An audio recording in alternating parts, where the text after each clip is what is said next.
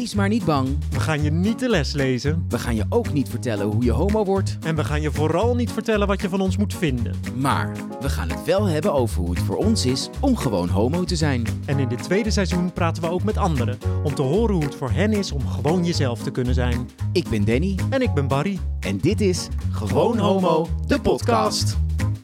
Barry en ik vinden soms dat wij al laat uit de kast zijn gekomen, maar er zijn ook mensen die ervoor kiezen om helemaal niet uit de kast te komen. Ja, dus vandaag gaan wij praten met iemand van 72 die ervoor gekozen heeft om zijn kastdeur eh, dicht te houden.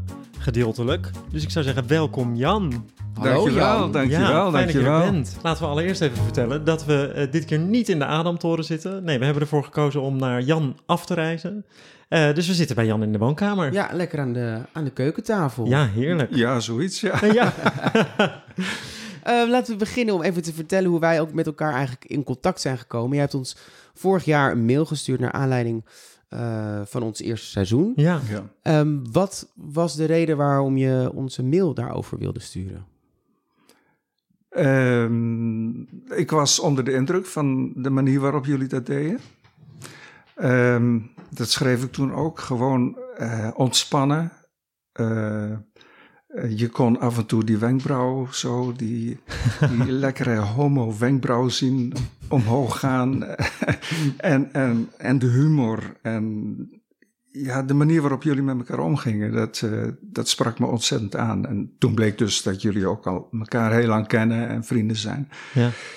Ehm, en toen, toen had ik alle eh, onderdelen, alle afleveringen gehoord. En toen dacht ik, ja, ik mis wat. Ik mis wat over mezelf. Ehm, want ik, ik ben homo, ik ben getrouwd. Ehm, Met een vrouw? met een vrouw. Ik heb kinderen, ik heb kleinkinderen. En ik weet dat er een heleboel mannen, homomannen, getrouwd zijn en kinderen en kleinkinderen hebben. En dat er een heleboel niet uit de kast zijn en anderen gedeeltelijk uit de kast en sommigen helemaal uit de kast. En toen dacht ik van, misschien is daar, als er een volgende serie komt, is daar een, eh, een mogelijkheid om daar aandacht aan te besteden. ja. Nou, toen kwamen jullie met je. Ja, want dat hadden wij gelezen. En toen kwamen we inderdaad met het tweede seizoen. En toen zaten wij te praten van waar willen we het over hebben. En toen was dit eigenlijk een van de eerste dingen waarvan we dachten, daar willen we het over hebben. Ja, Ja, dus we zijn heel blij dat we hier eh, mogen zijn en dat je met ons wil praten. Je vertelde net al, je bent dus getrouwd met een vrouw, je hebt Ja. ook kinderen, je hebt Ja. kleinkinderen. Ja. Ehm, zijn zij allemaal op de hoogte van het feit dat je homoseksueel bent? Mijn kleinkinderen niet. Eh, De oudste kleinkind is 12. Dus ja, en, en de tweede die is 10. Dus daar zal het vandaag of morgen wel een keer te sprake komen. En ik heb ook tegen mijn dochter gezegd. eh, houd het niet voor je. eh, praat erover. Mijn vrouw weet het natuurlijk. Mijn beide kinderen en hun partners weten het ook. En hoe lang weten ze dat dan al? Of hoe lang weet je vrouw het al? Eh, even kijken hoor. Dat moet ik even uitrekenen. Dat is al 35 jaar. Oh, Ja, en hoe is dat gegaan? Moeilijk. Moeilijk, dat, dat viel niet mee. Ik wist het zelf al lang en al voordat je haar hebt ontmoet. eigenlijk wel. En ik, eh, ik hoor dat vaker van, eh, van mannen die getrouwd zijn, homomannen. Maar ook eh, gewoon mensen die. de- gewoon homo's die, die eigenlijk al heel vroeg wisten dat ze homo zijn. Of in ieder geval anders zijn. En dat had dan vaak nog niet eens een naam. En dat was eigenlijk bij mij ook zo. Ehm, Maar je wist niet wat het was. Nee, ik wist wel dat het niet kon. Oké. En, en- En waardoor, waar kreeg je dat idee door? Nou, het- het- het- vanochtend dacht ik daar nog aan. Ehm, ik woonde in een kleine plaats en, eh, in, in het zuiden van het land. En mijn grootouders woonden in Arnhem. En daar gingen we eh één keer in dit jaar naartoe met eh, zomervakantie. In die tijd ging bijna niemand nog op vakantie, maar wij konden drie weken naar Arnhem. Dat was wat. En ehm, daar, nou ja, daar zag ik dus allemaal hele andere mensen dan die ik zelf kende. En dat vertelde ik dan als ik terugkwam. aan mijn vriendjes. En dan, ik, ik weet dat ik een keer vertelde van, nou, er liepen zulke mooie mannen met blond haar en, en hele donkere wenkbrauwen. En dat vond ik prachtig. Vind ik nog mooi. en toen keken ze me aan en toen dacht ik, dit klopt niet. Hier, hier is iets niet, hier valt het kwartje niet. Dit, hier kan ik niet over praten kennelijk. Dat, dat heb ik dus ook nooit meer gedaan. En later pas, veel later, uh, drong het op me door dat, uh, dat dat eigenlijk al het andere was dat ik van mezelf voelde. En daar praat je dan verder niet meer over. Had het ook niet gekund, denk je, als je nu terugkijkt? Als je bijvoorbeeld kijkt, denkt aan je ouders? Of nou, dan, nou, nee, nee, toen was ik nog gewoon, dat was lagere school. Oh, waar ik het over heb. Dus dat, ja. Maar toen besefte ik al van, hier kan ik niet over praten, want ze kijken me raar aan. Ze begrepen het niet. en er was nog iets. Uh, wij hadden in die tijd thuis nog geen douche. Mijn vader uh, werkte bij de politie en op het politiebureau was een douche voor mensen die gearresteerd werden. Dus wij mochten één keer in de week op het politiebureau onder de douche. En daar ging ik dan uh, op de fiets naartoe en dan op de fiets weer terug, schoon voor een hele nieuwe week. Maar nou wist ik dat verderop in, uh, in die plaats, uh, daar was een, een lingeriewinkel. En die etalage was s'avonds ook verlicht. En in die winkel stond een foto van een hele mooie man. in een hele mooie onderbroek. En dan ging ik na het douchen even op de fiets daar naartoe. En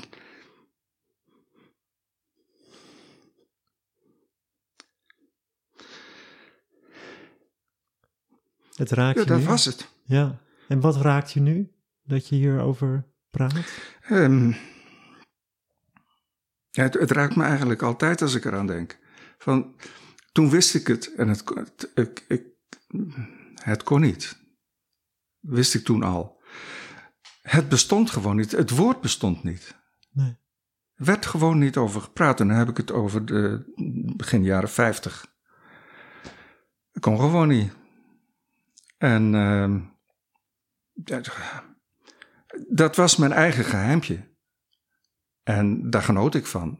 Verder helemaal nog niks seksueels, maar gewoon, ik vond dat fijn om naar te kijken. Ja, en uh, nou goed, dan raak je in de puberteit. In die tijd gingen we verhuizen. En daar voelde ik me erg alleen met ons gezin. Ik had een, een broertje en een zusje nog. En mijn vader was daar de enige politieman in het dorp. En ik had er verder niemand. Maar ik uh, ging mezelf wel ontwikkelen. Ik ging zelf veel meer bedenken van, ik ben anders, wat is er dan anders? Ik, op een gegeven moment wist ik, ik ben homo. Een keer op een ochtend, ik kwam uit de douche. Het was een weekend geloof ik, want ik hoefde niet naar school. Mijn vader lag nog in bed, die had griep. En ik uh, ging naar zijn bed. Ik zei: Pap, ik wil je wat vertellen. Nee, jongen. Nou, niet. Ik ben ziek. En als pa griep had, dan was hij doodziek. En op dat moment had ik willen vertellen: ik ben homo. En het is nooit meer teruggekomen, dat moment. Het was over. Het, het momentum was er niet meer en is er nooit meer geweest. Heb je dat misschien ervaren als een teken van. Ik kan er dus niet voor dat het een teken is van. Ik moet het dus voor me houden. Want je hebt dus. Je laat het. Niet door de reactie van mijn vader, want zijn reactie kwam gewoon doordat hij ziek was. Ja. Ik denk dat als hij niet ziek was geweest, dat, dan had ik het verteld. Mm -hmm. het, op dat moment stond ik gewoon klaar om te zeggen: Ik ben homo. Of ik denk dat ik homo ben, ik weet niet meer precies. Maar in ieder geval, ik zou het ter sprake hebben gebracht op dat moment. En dat is later niet meer gekomen. Uh, ik, ik, kreeg daar in dat dorp ook een, een, een, een vriendje. Uh, gewoon een, een vriend. Uh, zoals jongensvrienden. En het was heel mooi. Hij was ook zo'n beetje een eenling in dat dorp. En we woonden in dezelfde straat. En ehm, zeker in het weekend gingen we veel met elkaar om. En dan s'avonds dan nou, dan ging ik bij hem wat drinken en uh, dan bracht hij mij weer naar huis en dan bracht ik hem weer naar huis. En zo liepen we een paar keer per zaterdagavond door die straat. om maar bij elkaar te zijn eigenlijk. En uh, toen heb ik één keer ervaren dat hoe het is om echt verliefd te zijn. De eerste keer. En hoe oud was je toen? Ik denk 17. En dat gevoel heb ik nooit meer teruggehad. Maar dat, dat, misschien ook wel dat ik het niet herkende hoor, dat zou kunnen. En werd je liefde beantwoord? Of? Ja, niet seksueel, maar wel, wel gewoon een intieme, hele diepe vriendschap. Ja. Spreek je hem nog? Nee, wij gingen verhuizen weer. En hij ging ook verhuizen. Uh, ik heb later nog wel eens contact met hem gezocht. En uh, we hebben elkaar nog één keer gesproken. Dat is een jaar of zeven, acht geleden, denk ik. Hij wist nauwelijks meer wie ik was. We hebben ergens koffie gedronken en ik voelde, dit is goed zo. Hmm. Ik had altijd wel het, het idee van, ik wil die jongen nog een keer zien. Ik wil hem nog een keer spreken. En misschien vertel ik hem wel wat ik toen voelde. En is hij nu, heeft hij een vrouw? Ja. En heb je het hem verteld? Nee, nee ik merkte toen, toen we bij elkaar waren, dit, uh, dit heeft geen zin, dat doe ik niet. Want jij bent ook, je bent ook getrouwd. Je hebt je, ja. Hoe lang zijn jullie samen, samen uh, getrouwd? Al bijna 50 jaar. 50 jaar. Want hoe oud was je toen je haar ontmoette? Uh, 18. Oh ja, dus, oh, dat dus is echt dus- kort daarna dan, ja. Ja. En toen heb je er, heb je er toen bewust voor gekozen... Oké, ik, ik kan niet homo zijn. Ehm, Ik was verliefd op haar. ja. Ja. En eh, ja, dat ging goed. En het was gewoon logisch. Kijk, het, het was logisch dat we gewoon verder zouden gaan samen. Op een gegeven moment, dat, dat was duidelijk, dat was klaar. En op dat moment, of die momenten, of toen, laat ik het zo zeggen, zat er achterin iets verborgen. En daar kon ik niet bij, daar wilde ik ook niet bij, want ik wilde vooruit met haar samen gewoon net zoals dan- ieder ander. Wat is dan hetgene waardoor je dacht, hier, hier kan ik het niet over hebben? Wat maakte? Is dat geloof? Is dat ook, was, was, speelde dat mee? Of, Ook, ja. Eh, ik kom uit een hervormd gezin. En ja, de hele omgeving. Eh, kijk, mijn vader was bij de politie. Nou, dat zijn niet de meest eh homovriendelijke personen. Dat, dat, dat kun je gerust zeggen. in ieder geval dan in jouw ervaring ook in die tijd? In die tijd ja, zeker. ja, ja, niet thuis. Nee. Want thuis werd er ook gewoon niet over gepraat. Het, het woord kwam eigenlijk Het bestond niet. nooit, het bestond niet. Nee. Maar je wist wel dat het bestond. En je wist ook hoe anderen daarop reageerden. En, oh, maar daar ben ik niet. Daar, daar hoor ik niet bij. Want had je dan wel voorbeelden in die tijd? Op tv of... Ja, tv had? Albert Mol. Ja. Hè, dat, Ja. dat was zo'n beetje de eerste figuur die, die openlijk homo was. En eh, daar werd dus ook niet altijd positief op gereageerd. Alleen als die, als die weer iets geks uithaalde in een film of zo van varen. Nou goed, dan lag iedereen dubbel. Nou, die gekke homo. Ja, dat, dat wilde ik ook niet zijn. Nee.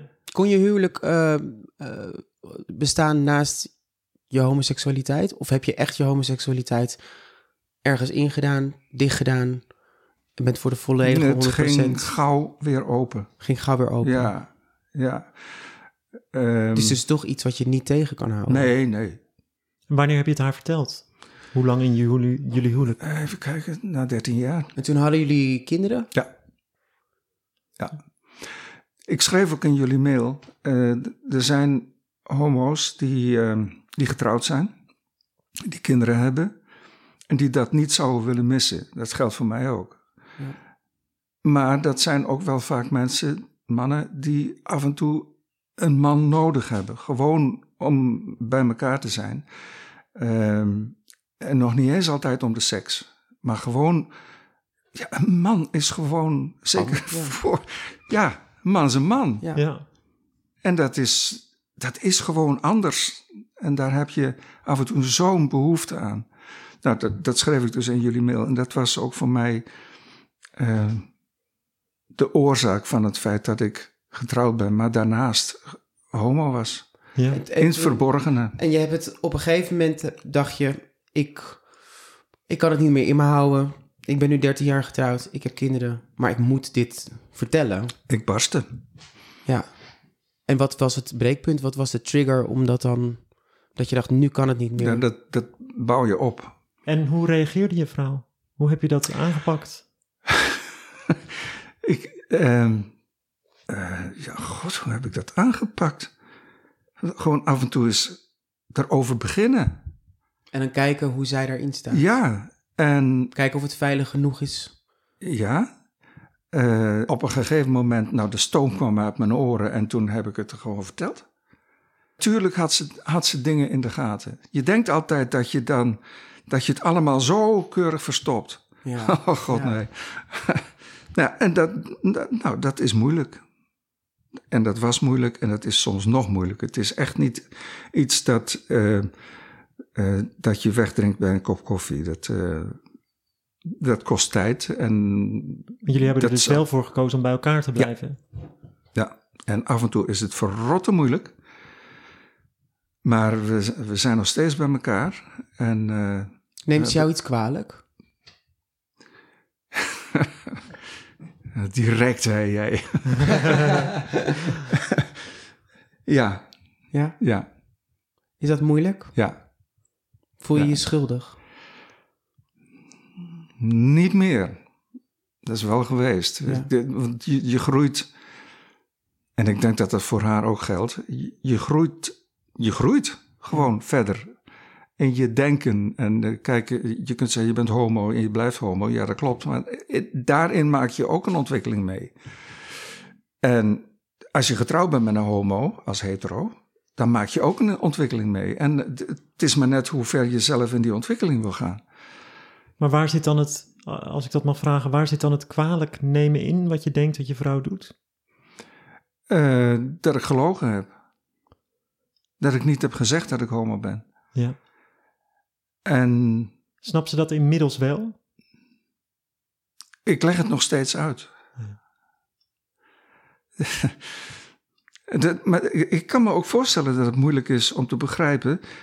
Want, ehm, kijk, hetero is de norm.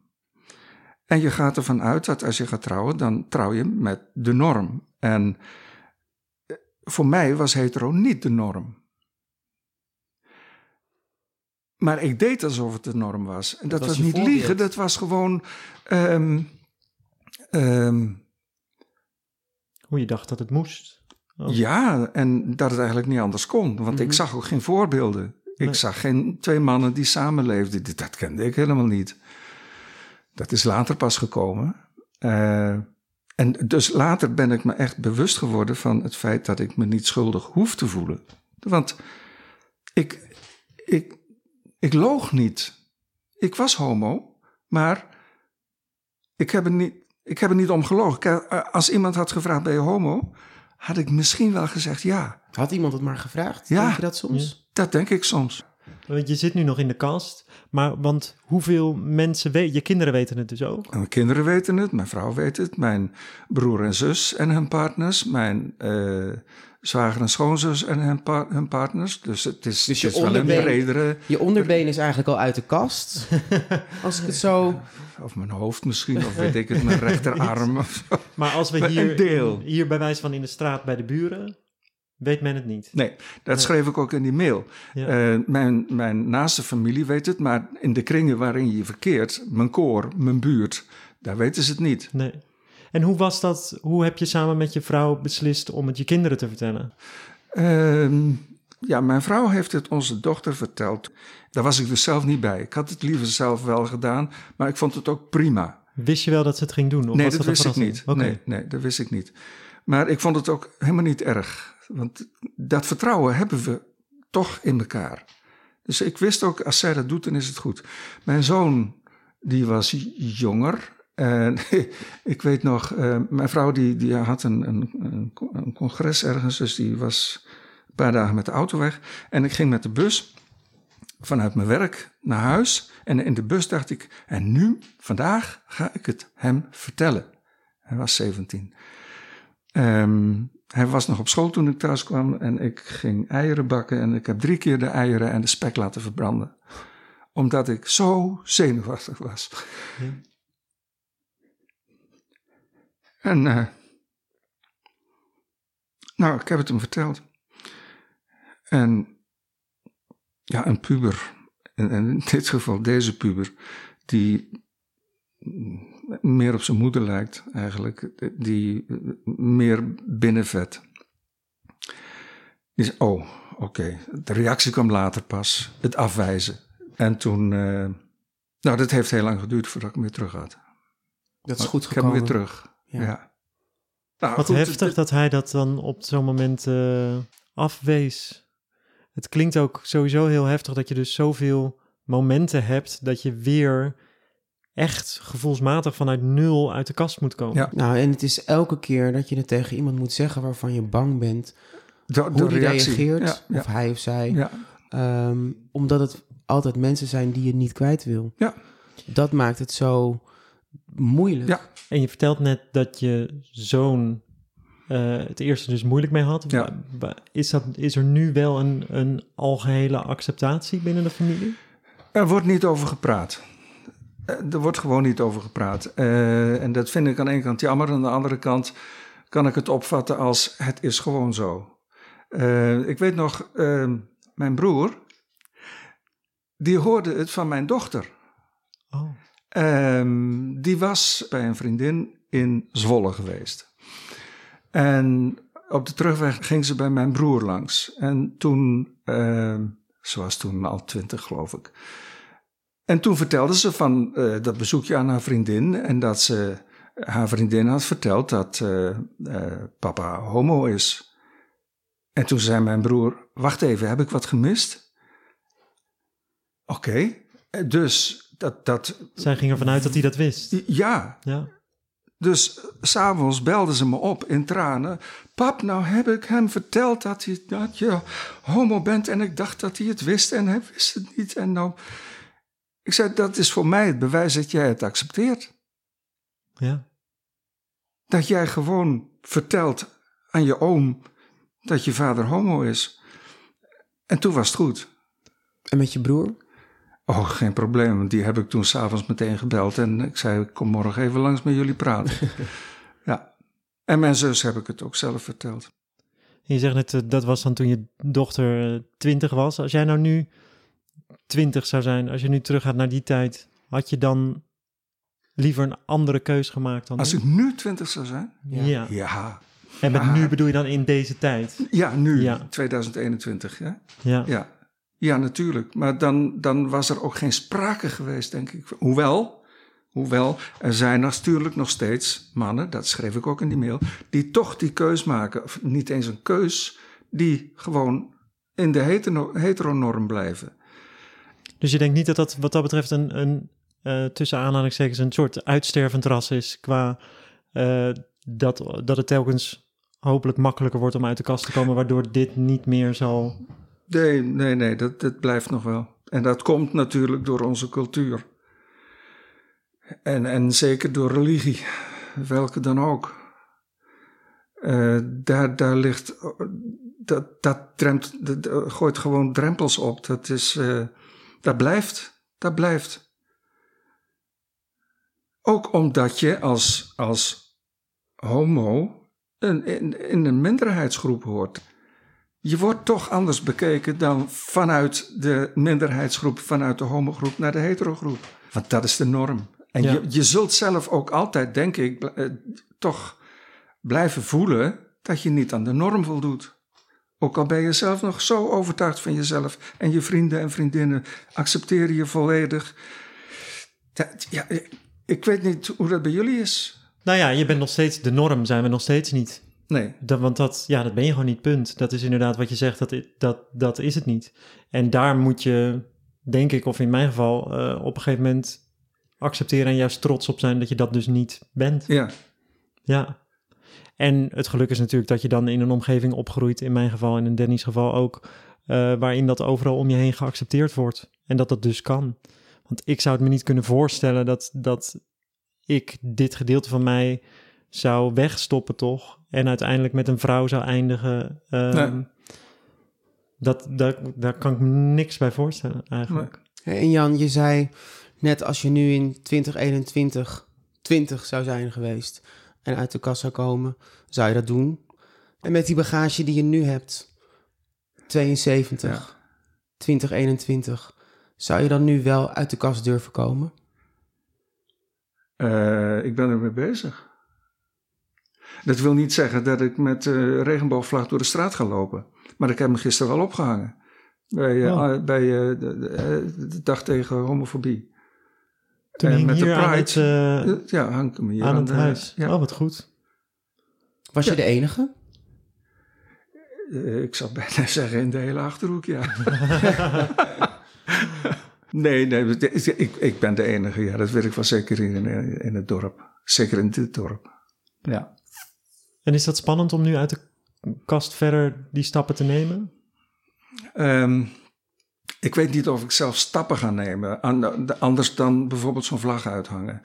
Eh, maar ik, ehm, ik heb, ben altijd al duidelijk geweest over hoe ik denk over homoseksualiteit. Als het in, op verjaardagen of in buurtfeestjes of zo ter sprake zou komen, dan ben ik er altijd duidelijk in geweest. Zonder te zeggen, ik ben homo. Maar dat zou ik misschien nu wel makkelijker doen. Is dat voor jou anders dan voor je vrouw? Hou Ja. je je daarin tegen voor je, voor je familie? Ehm, voor de familie. Of voor je vrouw?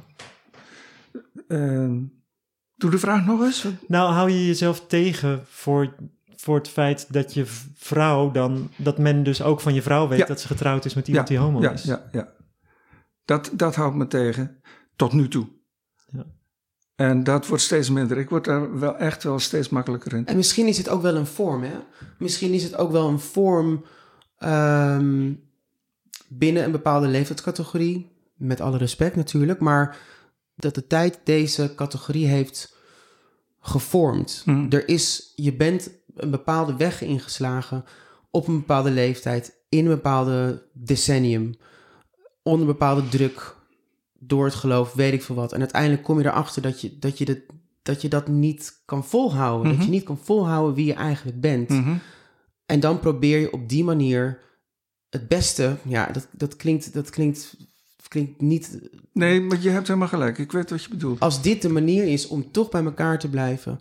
En toch homo te kunnen zijn. En toch homo te kunnen zijn. Er toch de ouders kunnen zijn van je kinderen. Als dat zo is.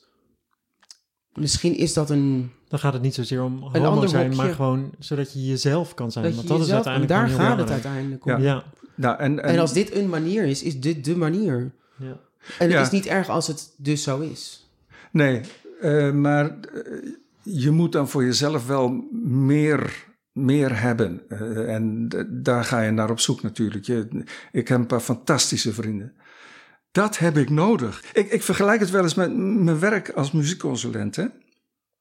Dat is leuk werk, dat is hartstikke leuk werk. eh, Het is ook heel boeiend werk. Maar niet, dat is niet alleen muziek, dat is ook eh, pedagogiek, dat is eh, didactiek en daar zitten een heleboel theorieën onder.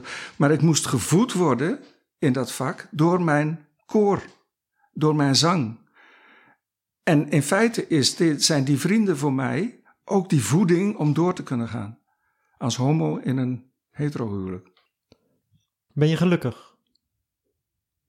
Die vraag had ik verwacht. Gisteren dacht ik, er gaat er één vraag of ik gelukkig ben. Het is Barry. Het is waar, ik ben het. Ja, ehm, en t- toen had ik meteen het antwoord ook. Ik zei, toen zei ik tegen mezelf van, je kunt niet constant gelukkig zijn. Nee. Dat, dat gaat niet, daar ga je aan dood. Dat kan helemaal niet, want dan, dan zit je ergens in een hemelse sferen. Dat kan niet. Er zijn momenten dat ik diep ongelukkig ben, maar dat heeft niet alleen met, met mijn geaardheid te maken. Ik denk dat iedereen dat heeft. Dat er zijn momenten dat het helemaal niet wil. En er zijn momenten dat ik ontzettend gelukkig ben. Hier, dit huis, met deze tuin en de dingen die we hier samen gemaakt hebben. Dat, ja, en, en als ik bij mijn vrienden ben, dan, dan voel ik me gewoon goed. Dan, dan, ik kan niet zeggen, dan voel ik me echt op mijn gemak en dan ben ik echt mezelf, dan ben ik hier ook. Dat, eh, ja, Ja. ik voel me hier gewoon goed. Ja. Nou Jan, we zijn eh, bijna aan het einde. En in, de tweede, in het tweede seizoen vragen we aan elke gast een, dezelfde vraag. En die begint met, wat zou je missen als? En voor jou hebben we de vraag bedacht, wat zou je missen aan je leven... als je wel op jonge leeftijd uit de kast was gekomen? Hallo zeg. wat zou ik missen als ik toen uit de kast was gekomen? Ja, Maar dus dat- wat, dat wat heeft het leven je opgeleverd eigenlijk? Ja. Nou ja, mijn kinderen. Dat sowieso. Ik ben ontzettend blij met mijn kinderen en mijn kleinkinderen. En die had ik niet, niet gehad. Dat besef, besef ik me ook altijd hoor. Ook al. Ik, ik denk ook wel eens van. Verdorie. Waarom heb ik toen niet voor mezelf gekozen? Waarom ben ik niet verder gegaan met een man? Nou, het antwoord weet ik wel, dat kon toen gewoon niet. Voor mijn gevoel kon dat niet. En dan vraag ik me ook af, hoe zou ik geleefd hebben? Had ik misschien aids gekregen? Dat had best gekund. Zou ik een heel losbandig leven zijn gaan leiden? Best gekund. Het zit niet echt in me, maar ja, je weet nooit. Als je een keer eh, losraakt, dan... eh, ja, dat kan maar zo gebeuren. Dus ik denk ook eigenlijk liever niet aan wat er niet was. En wel van wat ik toch heb meegekregen. eh, Heb gekregen. En dat zijn onder andere mijn kinderen. En de plek waar ik nu woon. Ik denk ook als ik naar jou luister dat het, het ding wat, je, wat jou sterk maakt, is dat je ervoor hebt gekozen om voor je eigen geluk te gaan. Dat je jezelf gelukkig kan maken. In Nou, welke en ik denk dat het ook wel echt heel mooi is om te horen dat je een familie hebt die, ook al is het absoluut soms moeilijk, ehm, maar dat jullie een vorm hebben gevonden waarin dit dus kan en waarin jij ook langzaam steeds meer ook jezelf kan zijn. En dat is ook wel heel mooi dat jouw vrouw bijvoorbeeld ook ehm, daar ook in meeleeft en Ja. meegaat. En dat jullie het team zijn wat jullie ooit zijn begonnen, dat jullie dat nog steeds zijn. Dat vind ik heel knap. Ja, Nou, zo voelen we het ook wel. Ehm, ja, het is een team. ja. Ook al heb je niet meer die liefdesband, vind ik een rot woord, maar daar komt het eigenlijk wel op neer. Je kunt een heleboel dingen gewoon goed naast elkaar doen, ja. samen. Ja, Nou Jan, heel erg Ja, bedankt voor dit Jan. gesprek. We Voor je gastvrijheid. Ja, en we wensen je superveel geluk, liefde en, en alles voor de toekomst. We zijn heel blij dat we met je hebben mogen praten. Ik vond het een heel bijzonder gesprek. Heel fijn Ik dat je vond- ons ooit een mailtje hebt gestuurd. Ja, ja, ja ik, vond het, ik vond het fijn. Ik vond het spannend, maar ja, het was het waard. goed zo, Ja. gelukkig. Dankjewel. Heel erg bedankt. Ehm, de volgende keer gaan wij praten met eh, twee bijzondere mannen in ons leven. Oh, oh, die ken ik nog helemaal niet. ja, wel? die ken je zeker wel. Ik heb namelijk je vader uitgenodigd. Wat? Ja, ja, en mijn eigen vader. Dus we gaan met onze vaders praten. Nou, Bereid maar wat mooie vragen voor. oké, is goed. Tot de volgende. Tot de volgende. Je hebt geluisterd naar Gewoon Homo, de podcast van Barry Beijer en Danny Houtkoper. Laat vooral weten wat je ervan vond via Instagram at Gewoon Homo, de podcast. Of stuur een mailtje naar gewoon homo de podcast at gmail.com. En vergeet je niet te abonneren in je favoriete podcast app. Dit seizoen is mede mogelijk gemaakt door PwC en Topcast Media en is opgenomen in de Adamtoren. En de muziek is van Rutger de Bekker. Bedankt voor het luisteren en tot de volgende!